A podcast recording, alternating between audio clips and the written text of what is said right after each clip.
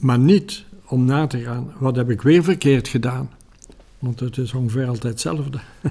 het is niet zo verhelderend of enthousiasmerend. Maar de terugblik om, ah maar god, waar waart jij nu vandaag?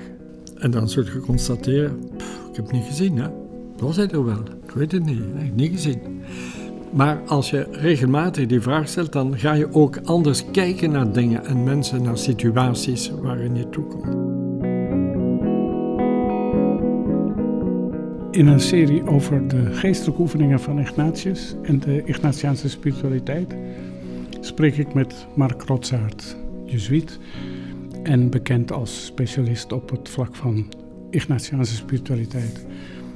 Kerstvers ligt hier op tafel het boek met de eenvoudige titel Ignatius.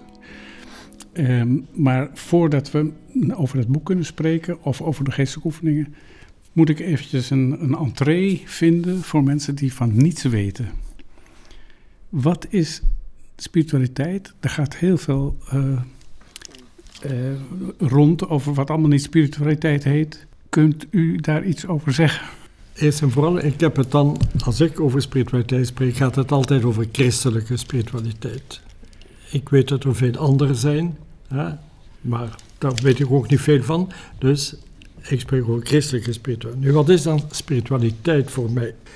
Het is de concrete vorm waar iemand de geest van het evangelie gestalte geeft in zijn leven. Maar dan zegt u al evangelie, want daar wil ik ook nog dan eerst van weten. Wat is dat dan? De evangelie is het verhaal van Jezus Christus. Okay. Hoe hij met zijn leerlingen is omgegaan, 2000 jaar geleden. En hoe mensen daardoor zo doorgegrepen zijn geraakt dat ze dat op schrift hebben gezet. Mm -hmm. dus, en een evangelie is dus zo een verhaal, dat is een goede boodschap. Dat zegt het woord eigenlijk, evangelie, evangelion. Dat is een goede boodschap van Jezus Christus. En daar zijn, dat is misschien interessant om op te merken, vanaf het begin zijn daar vier verschillende interpretaties van. Die allemaal overeenkomen wat de grote lijnen betreft, maar iedereen van die auteurs heeft toch zijn eigen accent en zijn eigen visie in dat verhaal over Jezus. Uh, dus ja, iemand die dat verhaal van Jezus leert kennen, ja, wat doet hij daarmee? Dat is spiritualiteit. Oké, maar het woord spiritus zit daarin? Juist, dus de, de, de geest. En dat is alleen kan de geest van het evangelie, hè, die je probeert in je leven gestalte te geven. Maar het zegt ook iets, en dat voor spiritualiteit is dat wel belangrijk, het zegt ook iets over de geest God die daar aan het werk is. Hm. Het is niet zomaar iets wat, wat ik persoonlijk vind, oh, dat is leuk, dat ga ik nu een keer uitproberen. Zo, het leven van Jezus in je eigen leven proberen te vertalen, heeft iets te maken met Gods geest. Die is daar aan het werk. We weten niet hoe, maar hij is er wel. En dat zijn dingen die in, tijdens de geestelijke oefeningen natuurlijk veel gebeuren. Hoe kan ik dan een niet zichtbare geest toch ontmoeten? Ja, dat is een goede vraag. Dus dat is een heel belangrijke vraag uh, in de geestelijke oefeningen. Dus je hebt het verhaal van Jezus, je hebt zo'n evangelie. Vanaf het begin van het leven na Jezus, van het christendom, zeg maar, is men dat evangelie niet alleen gaan lezen, maar ook bemediteren, daarover nadenken, daarover bidden. Uh, ja, wat betekent dat in mijn leven? Wat, wat moet ik daar nu mee? Hm? Dus, en, en daar denk ik, er zijn ook allerlei tradities vanaf het begin van het christendom. En ja, het is niet alleen uh, het mediteren of het nadenken over die tekst, proberen te begrijpen wat zegt die tekst en wat zegt die tekst mij. Maar het is ook, um, ja, hoe, hoe kom ik daar nu achter? Wat het mij zegt. En ik denk dat dat een van de belangrijke dingen is van de spiritualiteit van de geestelijke oefeningen. Dat is dat Ignatius, kijk, het mediteren met het evangelie of het contempleren, daarmee bidden, dat is zo oud als het christendom bestaat. Ja, dus niet Dat is specifiek het- van Ignatius. Dat heeft Ignatius niet uitgevonden of niet. Hij, hij voegt zich daar gewoon in, in de traditie van de kerk. Ja. Nou, wat is er dan wel belangrijk bij hem? Dat is dat hij veel aandacht geeft aan innerlijke bewegingen. Wat beweegt mij van binnen? Wat beweegt mij als ik zo'n verhaal lees? Hm? Raakt het mij? Mhm. En hoe raakt het mij? Hm? Doet het mij iets? Sommige teksten zullen mij niets doen, maar door andere teksten word ik toch geraakt, hm? bewogen. Vandaar dat Ignatius spreekt over bewegingen, innerlijke bewegingen. En die zijn heel belangrijk. Ook dat natuurlijk bestaat vanaf het begin, die innerlijke bewegingen bij mensen die het evangelie ter hand nemen en, en daarmee bidden of proberen te begrijpen. Maar Ignatius maakt er een heel belangrijk methodisch moment van. Vooral de innerlijke bewegingen die mij goed doen, die mij vreugde geven, vrede, blijheid, daar is Gods geest aan het werk. En is veel minder hm, direct zo aan het werk in wat mij ambetant maakt of boos maakt als ik zoiets lees. hm. Maar in wat mij raakt, positief raakt, dat is een beetje de taal waarmee God tot mij spreekt. Als ik luister naar zijn woord. Ik luister naar zijn woord in het evangelie. En wat is de taal die God dan gebruikt om mij bewust te maken van iets? Dat zijn die innerlijke bewegingen. En dus die zijn belangrijk om in de geestelijke oefeningen, die een heel onderscheidingsproces zijn. Het is niet zomaar het mediteren, maar het is een heel proces met een eigen dynamiek. Dus daar zijn, daar komt dan, ja, waarom wil iemand de geestelijke oefeningen doen? Heb ik daar een bepaald doel mee? hè? En normaal is wel, wil ik daar iets mee doen met mijn leven, of voor mijn leven? Dus dat, dus, en Ignatius zal dan spreken van een keuze. Dus, en dat, daar zijn de innerlijke bewegingen heel belangrijk om, om daar goed te leren verstaan. Ja, ten eerste, die, die innerlijke beweging leren gewaar worden. Die zijn er wel, maar meestal zijn mensen daar niet mee bezig. En is dat, maar ze leren gewaar worden. En dan is een ander belangrijk methodisch element van de oefeningen de aanwezigheid van een begeleider. Want die moet mij helpen als ik nog niets weet van geestelijke oefening of van spiritualiteit. Of, eh, die moet mij helpen om aandacht te krijgen, gevoelig te worden voor die bewegingen. En stilaan zo proberen te begrijpen. wat zegt dat nu? Wat moet ik... En dus het zijn vooral die positieve innerlijke bewegingen, dat, geraakt worden. Zo'n die tekst, dat doet me iets, dat geraakt wordt. En dan komen we terug bij, het, bij allereerste begin. Zo is bij Ignatius ook gegaan. Hij heeft een leven van Jezus gelezen en dat heeft hem zo gegrepen dat het zijn leven veranderd heeft. En Ignatius is er dus van overtuigd dat als iemand dat leven van Jezus in het evangelie ter hand neemt en daar open voor staat om, om ja, wat moet ik daarmee? Hm? En als hij daarop ingaat, dan word je een nieuwe mens. Mag een ik, andere mens. mag ik onderbreken? Want dit gaat dus al over de geraaktheid door de kennismaking met Jezus. Als je dat nou niet hebt, als je Jezus niet kent en als je ja, helemaal met, met godsdienst niet vertrouwd bent, is het dan een gesloten boek bij voorbaat? Of hoe gaan we dat doen? Hoe kom ik in dat geheim? Iemand die nog helemaal niets weet, ja, alsof het met een andere tekst is, een ander boek, hm, ja, laat je raken. Als er niets geraakt, raakt niets er, dan is het ook. Nee, dan stopt het. Hè? Ja. Maar als je je laat raken, dat wil zeggen dat er een zekere. Ja, kijk, dat verhaal van Jezus, dat heeft iets te maken met je eigen verhaal. En dat is wat Ignatius dan bedoelt met zijn boekje, om mensen te helpen om daarachter te komen. Wat heeft dat verhaal nu te maken met mijn verhaal? Wat, is dat nu? Jezus volgen, ja, wat betekent dat? Dus, en ik denk dat daar zijn die innerlijke bewegingen, hè, dat bewogen worden, hè, dat geraakt worden door, door het een of het ander, door de figuur van Jezus of door een uitspraak van zijn leerlingen of van andere mensen die in dat verhaal voorkomen. Ja, wat raakt je? En wat raakt je positief? wat doet je deugd? Dan zeg je, ja, oh, God, daar ben ik blij mee. Om, om, ja, dat is interessant. Nou, dat is ja, je moet ergens beginnen, maar ik denk, dat is ook de overtuiging van Ignatius en de mijne, als iemand dat met een zekere openheid aan begint, zo het lezen van dat evangelie, dat de geest daarin werkt. Het is niet alleen iets van wat ik zelf doe, als ik dat lees en nou, met allerlei criteria op toepassen. Daar is iets anders aan de hand. Dus het, is wel geheimzinnig, of niet? Hm? Ja, in het begin misschien wel, hè, dus dat je dat niet, uh, niet direct kunt thuisbrengen. Hm?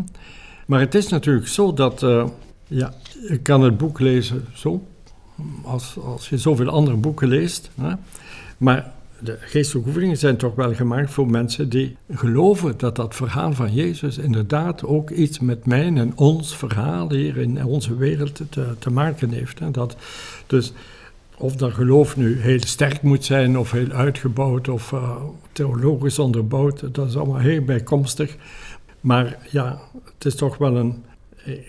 Eigenlijk verlang ik wel iets te horen over mij als ik dat verhaal lees. Maar ik hoor u ook zeggen, je hoeft dus helemaal niet hoog opgeleid te zijn of je hoeft geen specialist te zijn in spiritualiteit. Je kunt met het evangelie zelf al meteen de toegang vinden ja. en je laten raken ja. door wat je leest. Ja. Hoe gaat het dan in zijn werk? Want ik zit op een stoel en ik lees het evangelie of ja, hoe, er zal iets speciaals zijn bij Ignatius voor de manier waarop hij mensen daarbij assisteert. Hij, hij geeft uh, aanwijzingen daarbij. Ja, Ignatius geeft een, een hoop aanwijzingen uh, daarbij. Dus, uh, maar je moet ook wel gezegd worden dat het, het basisprincipe is dat dat boekje van de oefeningen niet voor degene die is die met dat evangelie gaat bidden. Hm. Maar voor iemand die hem, als dat nodig mocht blijken of, of als dat verlangd wordt, die hem daarbij kan helpen, kan wegwijzen. En dan heeft die man, heeft dan natuurlijk, of die vrouw, heeft dan een aantal uh, richtlijnen van Ignatius hè, die hij moet toepassen. Niet zomaar klakkeloos alles wat daar staat, maar zien waarmee is deze mens geholpen. Als die met, met een open geest en met een verlangen naar iets waarvan hij niet weet wat, hè, uh, met dat evangelie wil omgaan. Hè. Dus dat, uh, en ja, er zijn een aantal dingen van uh, gebedsoefeningen, die van hoe je in het gebed moet ingaan en zo. Dus ik denk dat daar. Maar ik ben altijd zelf een beetje terughoudend om te veel regels te geven. Laat mensen maar ontdekken. Hm? En laat ze ontdekken. En, en, en dat kan, hè? dus dat ook jonge mensen vandaag, hè? die misschien nog nooit gebeden hebben of nooit. Hè? ga eerst maar stil worden. Dat is een eerste heel belangrijk punt, denk ik. Stil worden.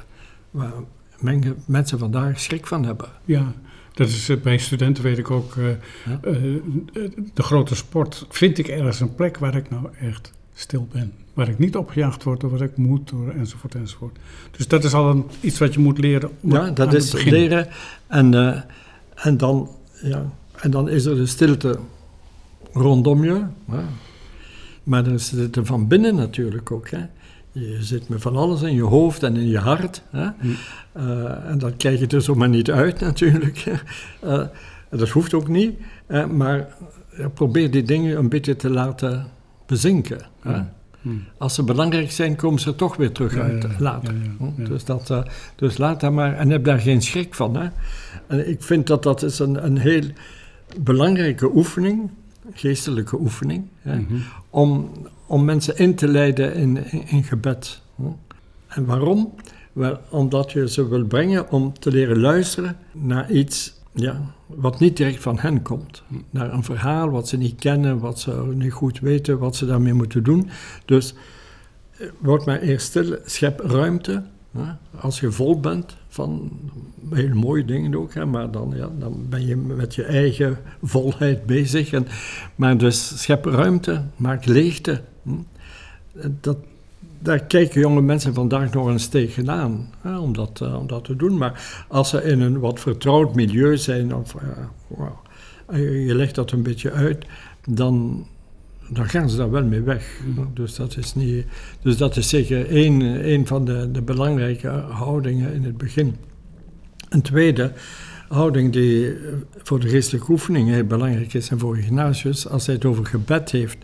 Ik maakte al een allusie, maar hij zegt daar in het begin van de geestelijke oefening, zegt hij, het is niet belangrijk van veel te weten. Hm? En of je nu een tekst die je voor je hebt van het evangelie, dat je nu weet van waar dat komt en of dat nu wel echt is en dit, en hoe de exegetis in elkaar steekt, dus dat is niet belangrijk. Integendeel, het zou je kunnen hinderen. Hè? Wat belangrijk is, is om de dingen innerlijk te voelen en te smaken. Dan zijn we weer bij die bewegingen. Hè? Dus de dingen innerlijk voelen en smaken. Dat is belangrijk. En daar hebben mensen meestal geen, geen benul van als ze eraan beginnen. Hè? Ze weten niet, wat is dat nu? innerlijk voelen en smaken, ja.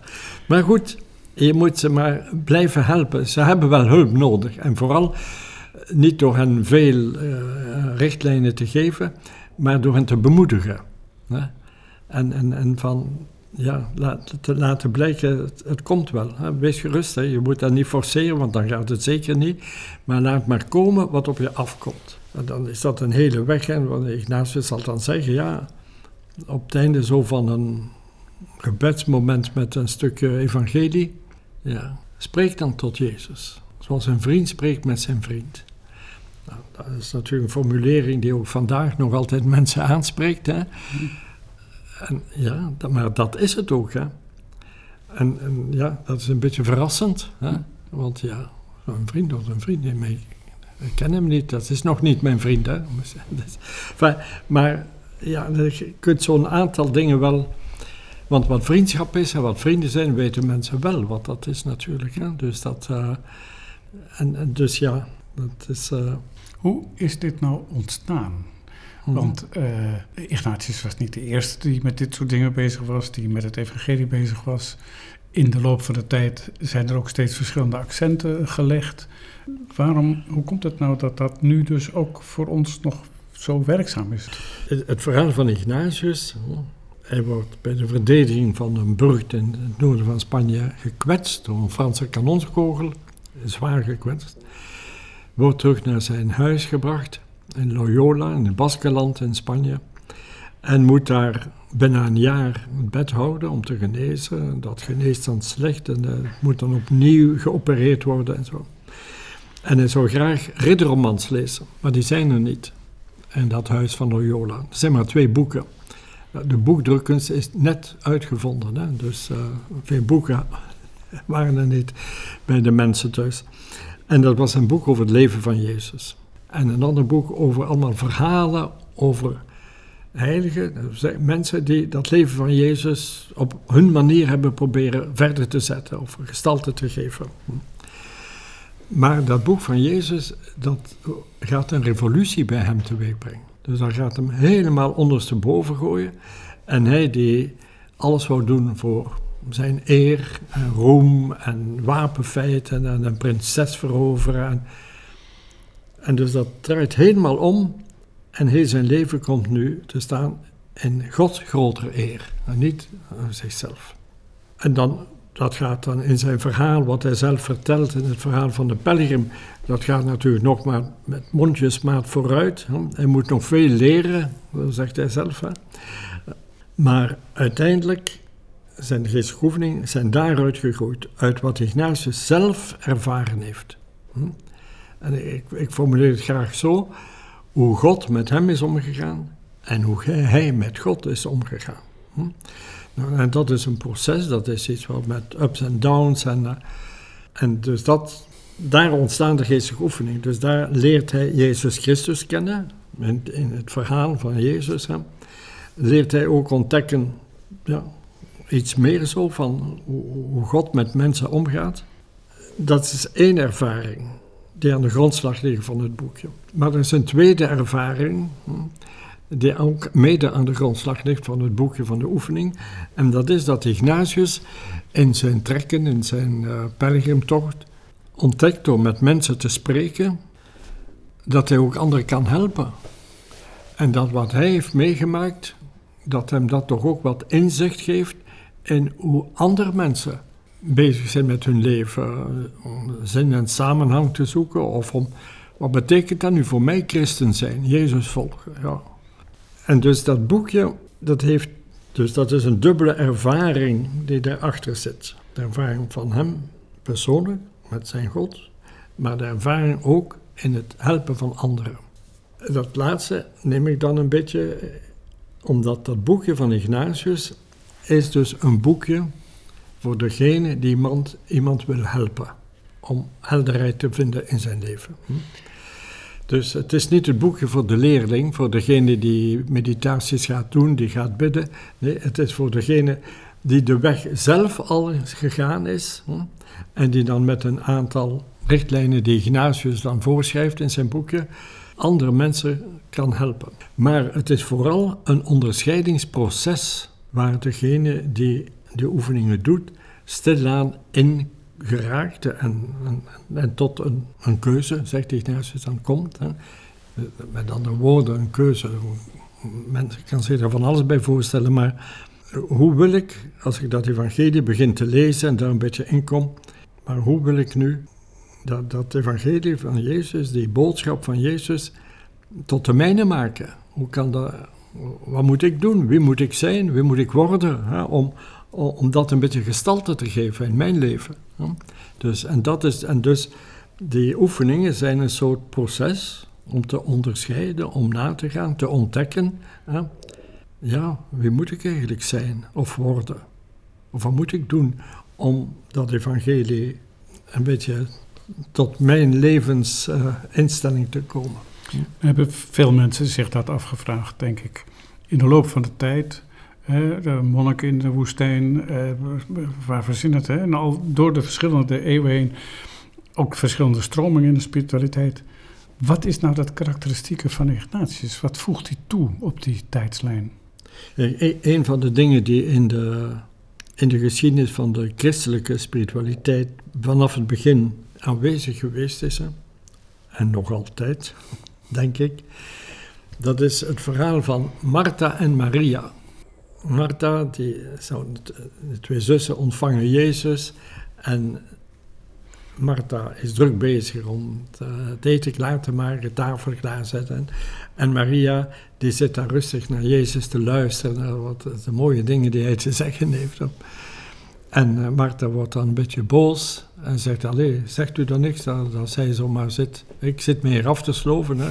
ze zou ook een beetje kunnen helpen. Hè. Ja. Dus Waarom zeg ik dat wel? Zo, de spanning tussen actie en contemplatie. Ja, het is maar goed dat die Martha er was, anders had Jezus ook niks gegeten. Hè? dus het is niet het een of het ander, hè? maar hoe ga je daarmee om? En dus dat is in de geschiedenis van de christelijke spiritualiteit inderdaad. Neem nu Benedictus in de vijfde, zesde eeuw. Dus die zal zeggen, ora et labora, bid en werk. Hetzelfde bidden en werken, actie en contemplatie. De regel die hij schrijft en het leven van de monniken zoals hij dat daar beschrijft, is juist het zoeken naar een soort evenwicht tussen die twee.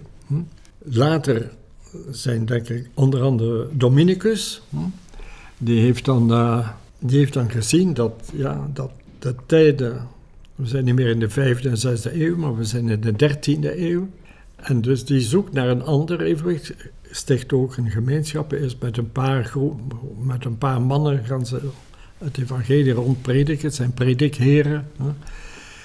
Maar bij hen is dat uh, die vraag van ja, dat evenwicht tussen contemplatie en actie is op de volgende manier vastgesteld bij Dominicus.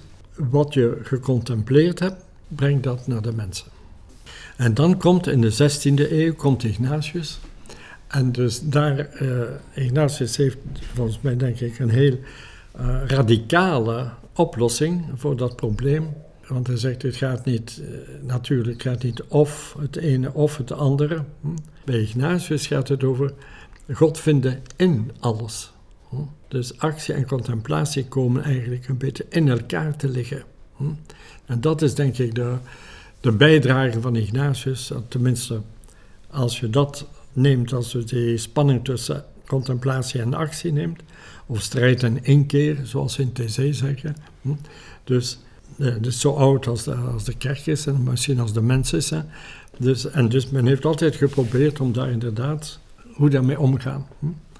En dus bij Ignatius is het, want dat wordt dus een van de, van de zinnen die men graag herhaalt om de spiritualiteit van Ignatius te karakteriseren. Al vind ik dat te eenzijdig, maar goed, dat is God zoeken en vinden in alles. Niet alleen in je gebed, ja, oh, ook, maar ook in je omgang met mensen, in je brieven schrijven, zoals Ignatius zoveel deed. En, enfin, om dat nu zelf te beleven, hè, om dat God vinden in alles, hè, ja, dat is, uh, dat is niet altijd zo evident. En daar helpt, dat is iets typisch ook van Ignatius, niet alleen van de oefeningen, maar ook van de geestelijke oefeningen, het gewetensonderzoek. Vandaag zal men meer spreken van het levensgebed. Hm. Dus het is zo, s'avonds, op het einde van de dag, terugblikken. Dat terugblikken is heel belangrijk voor Ignatius, ook in de geestelijke. Terugblikken op je gebed. Hm. Terugblikken op, op de dag, hoe die geweest is. Maar niet om na te gaan, wat heb ik weer verkeerd gedaan? Want het is ongeveer altijd hetzelfde. het is niet zo verhelderend of enthousiasmerend. Maar de terugblik om, ah maar god, waar waart jij nu vandaag? En dan zult je constateren, pff, ik heb het niet gezien, hè. Was hij er wel? Ik weet het niet, hè? niet gezien. Maar als je regelmatig die vraag stelt, dan ga je ook anders kijken naar dingen en mensen, naar situaties waarin je toekomt. En dus dat, dat en die terugblik in de geestelijke oefening op het gebed, de terugblik in dat levensgebed zo om de dag, maar het verhaal van Ignatius over de pelgrim hm, is een terugblik over je leven. Hè? Het is, en het is altijd hetzelfde. En vertelt dat verhaal niet om een mooi verhaal, want het is een mooi verhaal het is heel spannend. Hè? Maar om te tonen hoe in dat spannend verhaal God aan het werk geweest is. En maakt dat hij nu is waar hij nu is, staat waar hij nu staat. Met, uh, ja. Maar dat stelt toch ook de vraag, uh, ja, dan kan ik zien hoe God erin aan het werk is geweest.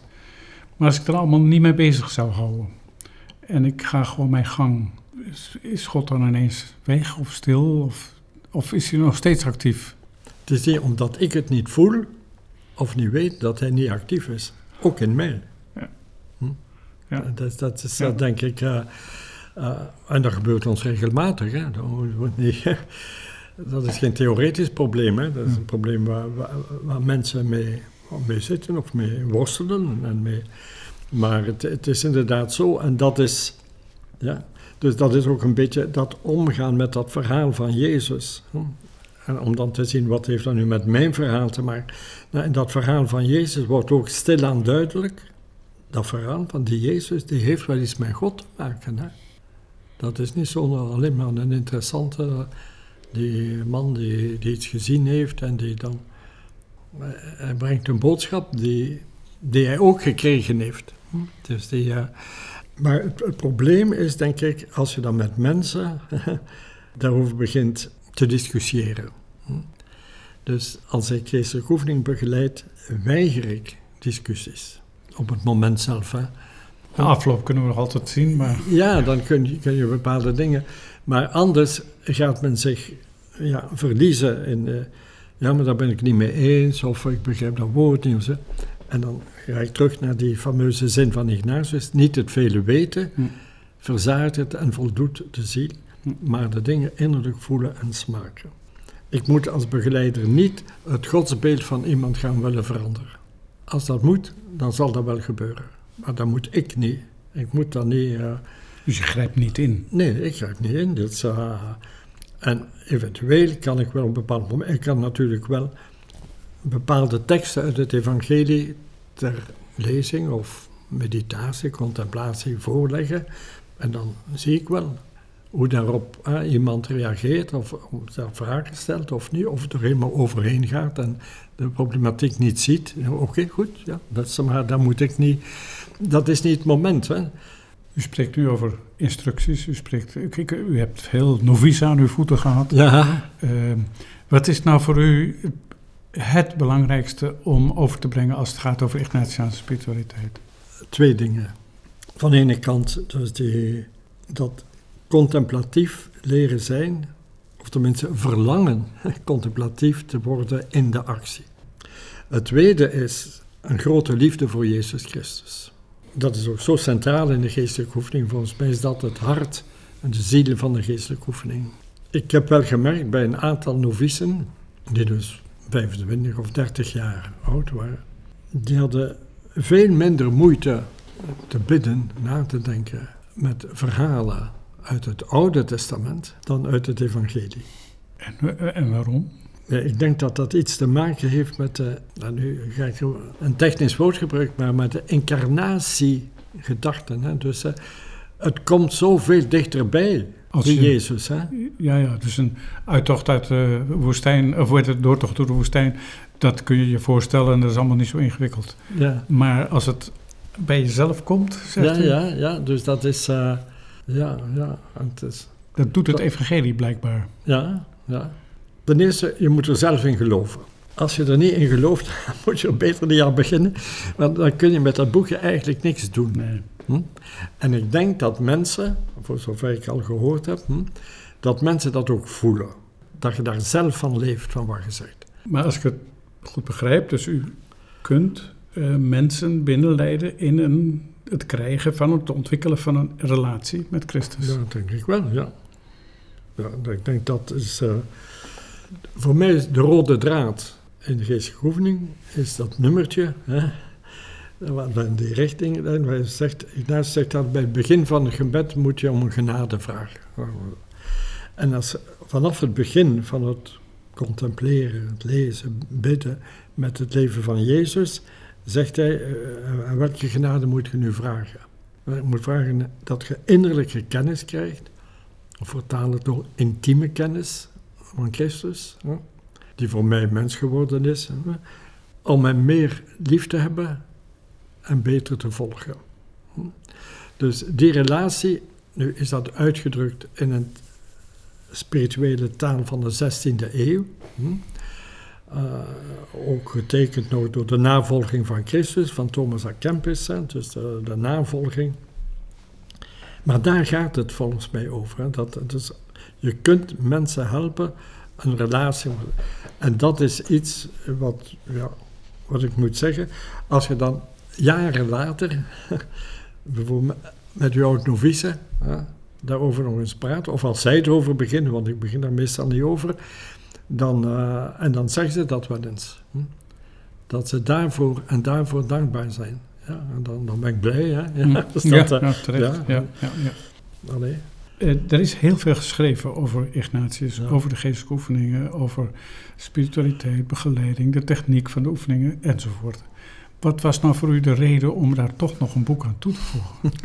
Ja, ten eerste, het was niet mijn bedoeling van er nog een boek aan toe te voegen. Dat is het natuurlijk wel. Het is weer, weer een, alweer een boek meer. Ja, goed. Maar ik was wel op een punt gekomen waarom ik zeg, ja, ik, wil nu, ik heb al verschillende boeken over Ignatius en over bepaalde aspecten van Ignatius uitgegeven. Ik wil nu eens iets waar veel dingen ja, een beetje bij elkaar komen. En mijn principe is eigenlijk altijd geweest, in uh, denk ik in bijna alle boeken die ik geschreven heb over Ignatius, lees de tekst van Ignatius. Ga niet lezen wat een ander erover zegt, dat mocht je daarna doen. Hè? Maar lees de tekst, wat zegt die man? Hè? En dat bedoelt u, zijn brieven? Zijn, ja, dat is het. Dus in de verschillende documenten die we van hem hebben. En dat is soms een beetje taai, hè? ik weet het wel. En soms, soms ik heb een, een lange tekst over de gehoorzaamheid. Vooral die, het aspect zo van, vanuit de middeleeuwen. Een tekst van Ignatius. Hè? Ja, dat is ten eerste een beetje saai. En dan frons je toch wel een beetje de wenkbrauw als je dat leest. No, no, no, no. Ja, oké, okay, 16 euro, oké, goed, maar vandaag toch niet. Maar goed, uh, ik probeer daar juist in dat, ik denk dat dat het moedigste hoofdstuk is over de gehoorzaamheid. Hè, maar uh, ik ben er nogal fier over, want ik denk, ja, maar daar put Ignatius uit, uit de, uit de traditie. Maar dat is niet zijn eigen visie. Zijn eigen visie heeft alles te maken met de zending. Hm? Technisch woord. Met de zending. Hij, hij zendt als overste van de Jezuïeten, zendt hij andere Jezuïeten om, om, om, een job te doen en, en zo. Dus dat gezonde worden is, is fundamenteel. En dus daartoe in de opleiding is hoe wordt iemand beschikbaar of innerlijk vrij? Indifferent, zoals Ignatius zegt. Maar hoe, wordt iemand beschikbaar? Hè? En dan merk je dat in veel teksten van Ignatius dat berust op een gesprek met een medebroeder op basis, ik kan niet zeggen van gelijkheid, maar dat is wel een, dialogale basis, een gesprek. Hè, van, en Ignatius schrijft in een van zijn brieven, en als je, als je vindt dat de zending, de opdracht die je gekregen hebt, u toch niet ligt, hè, of toch niet, niet, niet, juist is wat je zou moeten doen of willen doen, ga terug bij de overste leg het hem uit en waarom en hoe je dat ziet. En dan moet je een tweede keer doen en een derde keer en een vierde keer, schrijft Ignatius. Want ondertussen ben jij misschien een beetje veranderd. Is de situatie waar je naartoe gestuurd wordt ook niet. Dus, de, dus dat is een heel andere opvatting hè, dan wat men een beetje van Ignatius gemaakt heeft. Hè. Beveel is beveel. Hm? Ja. En hij kon ook bevelen geven. Hè. Dat is ook zo, daar zijn ook teksten van. Hè. Maar wat hij het liefste had, dat was dat hij te doen had met, eh, met een medebroeder die beschikbaar was. Ja. Hm? In een aantal gevallen zegt hij dan, kies zelf maar. Je moet zelf kiezen. Hè? Hm. Omdat je net weet, die man doet dat niet voor zijn eigen eer of voor zijn eigen plezier of voor ik weet niet wat allemaal. Maar die, die wil, dat is, ja. Dus dat, eh, dan denk ik, of mensen, die, die fameuze brief die hij daar schrijft aan de, de Jezuïeten met een groep van 16, denk ik, hè, naar Ethiopië worden gestuurd. Hè. Hmm. En daar heeft een brief van 8 à 9 bladzijden. Oh, vol allemaal richtlijnen van wat ze moeten doen als ze daartoe komen. Bij wie moeten ze eerst gaan? Welke geschenken moeten ze meebrengen? Zo. Hoe moeten ze catechese geven? Daar? Wat moeten ze... Ah, acht bladzijden, negen bladzijden. En dan die fameuze laatste paragraaf. Ik ken hem ondertussen van buiten. Dat is maar vergeet niet, wat ik hier nu allemaal geschreven heb in zoveel bladzijden, dat dient alleen maar, dat zijn suggesties. Als jij ter plaatse denkt, ja, want Ignatius is nooit in Ethiopië geweest, hè? als jij ter plaatse denkt dat het anders moet, doe het dan anders. Hè? Maar laat u leiden door wat hij dan noemt, de liefde, de echte liefde, die, die kan wel onderscheiden. En natuurlijk door de Heilige Geest. Ja. Die twee dingen gaan bij Ignatius een beetje samen. Dus daar ziet je Ignatius een zekere grootsheid, een zekere, ja, de vrijheid die aan de mensen geeft. Maar het veronderstelt wel dat, dat je als jezuïet uh, ja, ja, die beschikbaarheid hebt ingeoefend uh, in je leven, in je vorming, maar ook daarna. Dat is, ja. De novus is geen betuttelaar voor Ignatius. En dat al heeft hij soms wel geeft wel eens die indruk, ja. Goed, tot slot. De toekomst ziet er in West-Europa niet zo goed uit. Nee. Wat moet er nou gebeuren om dat erfgoed van Ignatius toch voort te zetten? Het, het erfgoed, het geestelijk erfgoed van Ignatius doorgeven is één zaak. Daar heb je eigenlijk geen jezuïeten voor nodig. Maar iets anders is, hoe wil je dat leven wat Ignatius begonnen is, hè, als hij de orde gesticht heeft, hè, hoe kan dit verder gaan? Moet dit verder gaan? Hoe? En dan, dan zie je, als je naar de wereld kijkt, dat dat heel verschillend is van continent tot continent. Ik denk, zelfs in Europa liggen de kaarten toch wel een beetje anders van land tot land. Ja, een beetje. Maar volgens mij denk ik leggen we momenteel misschien te veel de nadruk op de actie en nog nauwelijks op de contemplatie. En dan zeker niet op dat evenwicht of op dat God vinden in. Ja, alles wat ik doe is gebed. Ja, dat is natuurlijk gemakkelijk gezegd, hè, maar zo eenvoudig ligt dat niet. En ik denk dat, dat, dat is één ding, ik denk dat jonge mensen daar nog altijd echt vatbaar voor zijn. Maar het andere punt waar jonge mensen vandaag, ook bij ons, denk ik, vatbaar voor zijn, is het leven in gemeenschap moet echt anders dan het was. Ik spreek nu over onze contraien. Hè? Ja, de hele cultuur is, is zo anders. Hè? Dat, uh, uh, ja, ik denk dat wij veel meer, ik zeg dit in een huis waar we in het begin met 200 Jezuïeten woonden. het zal vandaag in kleine groepen gebeuren. Kleine communiteiten van, ik weet niet hoeveel, maar het maakt niet zoveel uit. Het moet geen nummer opzetten, maar... En ik denk hartelijke communiteiten. Waar mensen ook iets proeven van een zekere vriendschap, van een zekere ja, verbondenheid. Van een, wij zijn in onze opleiding, niet alleen bij de Jezuïeten, maar ook in onze Jezuïtenscholen, hebben we onze mensen goed opgeleid om kritisch te zijn. En dat is een positief punt. Maar, maar als dat alleen is, hè, dan, ja, dan, dan worden we, ja, hebben we kritiek op alles. Ja. Daar hebben jonge mensen geen boodschap aan. Daar ben ik echt van overtuigd. Daar hebben ze geen boodschap aan dat, uh, de, zo, als ze iets met hun leven willen doen, en dan, ja, dan verwachten ze ja, meer een groep waar, waar samen gebeden wordt. Daar waren we in het verleden zich ook niet heel sterk in. Hè. Het was wel heel persoonlijk. Hè. We hebben wel bijgeleerd. Hè. We zijn nu wel meer overtuigd dat we dat zo'n onderscheidingsproces in de meeste gevallen is een gemeenschappelijk onderscheidingsproces. Hè. Het is allemaal niet zo eenvoudig hè, om dat te doen, maar, maar ik bedoel dat dat gemeenschappelijke is zeker wel meer op de voorgrond gekomen de laatste 15 eh, jaar of 20 jaar, bij ons dan. Hè. Samen onderscheiden, dat wil zeggen ook samen bidden en delen wat er in uw gebed uh, en samen zoeken naar wat we moeten doen. Maar goed, het erfgoed van Ignatius doorgeven, daar heb ik zo nu niet veel zorgen over dat dat niet zo. Want ik zie, ik zie, ik ga geen namen noemen, maar ik zie ook een paar jonge Jesuiten die daarmee bezig zijn. Hm? Dus dat. Uh, en, en, ik moet zeggen, een, van mijn vreugdemomenten is dat ik heb gezien, nadat ik novicemeester was geweest, dat van de novicen die gebleven zijn in de sociëteit, dat ze bijna allemaal verder gegaan zijn met de studie of publiceren van Ignatiaanse spiritualiteit. Op hun manier, maar ja, dat, dan zeg ik, oh ja, het heeft ergens wortel geschoten en uh, dan zeg je, ja, oké, dat zal... Uh, daar heb ik nu niet zoveel, uh, dus dat zal wel, zal wel blijven. En, er zullen nog boeken over Ignatius komen, vrees ik. Maar uh, die, die, heel anders zullen zijn dan het mijne. Dat is, uh, dat is onvermijdelijk en dat is goed. Hè. Dat is niet, uh, het, het, verhaal is nooit af. Hè. Nee. Het verhaal is nooit af.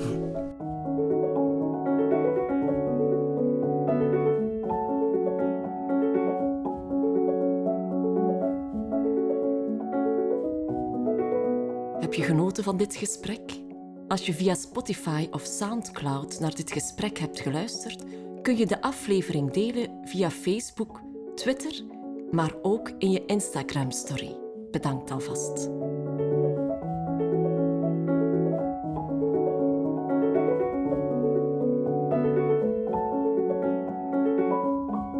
Op zoek naar meer verdieping en inspiratie? Vind onze essays, meditaties, columns, interviews, video's en podcasts op www.igniswebmagazine.nl.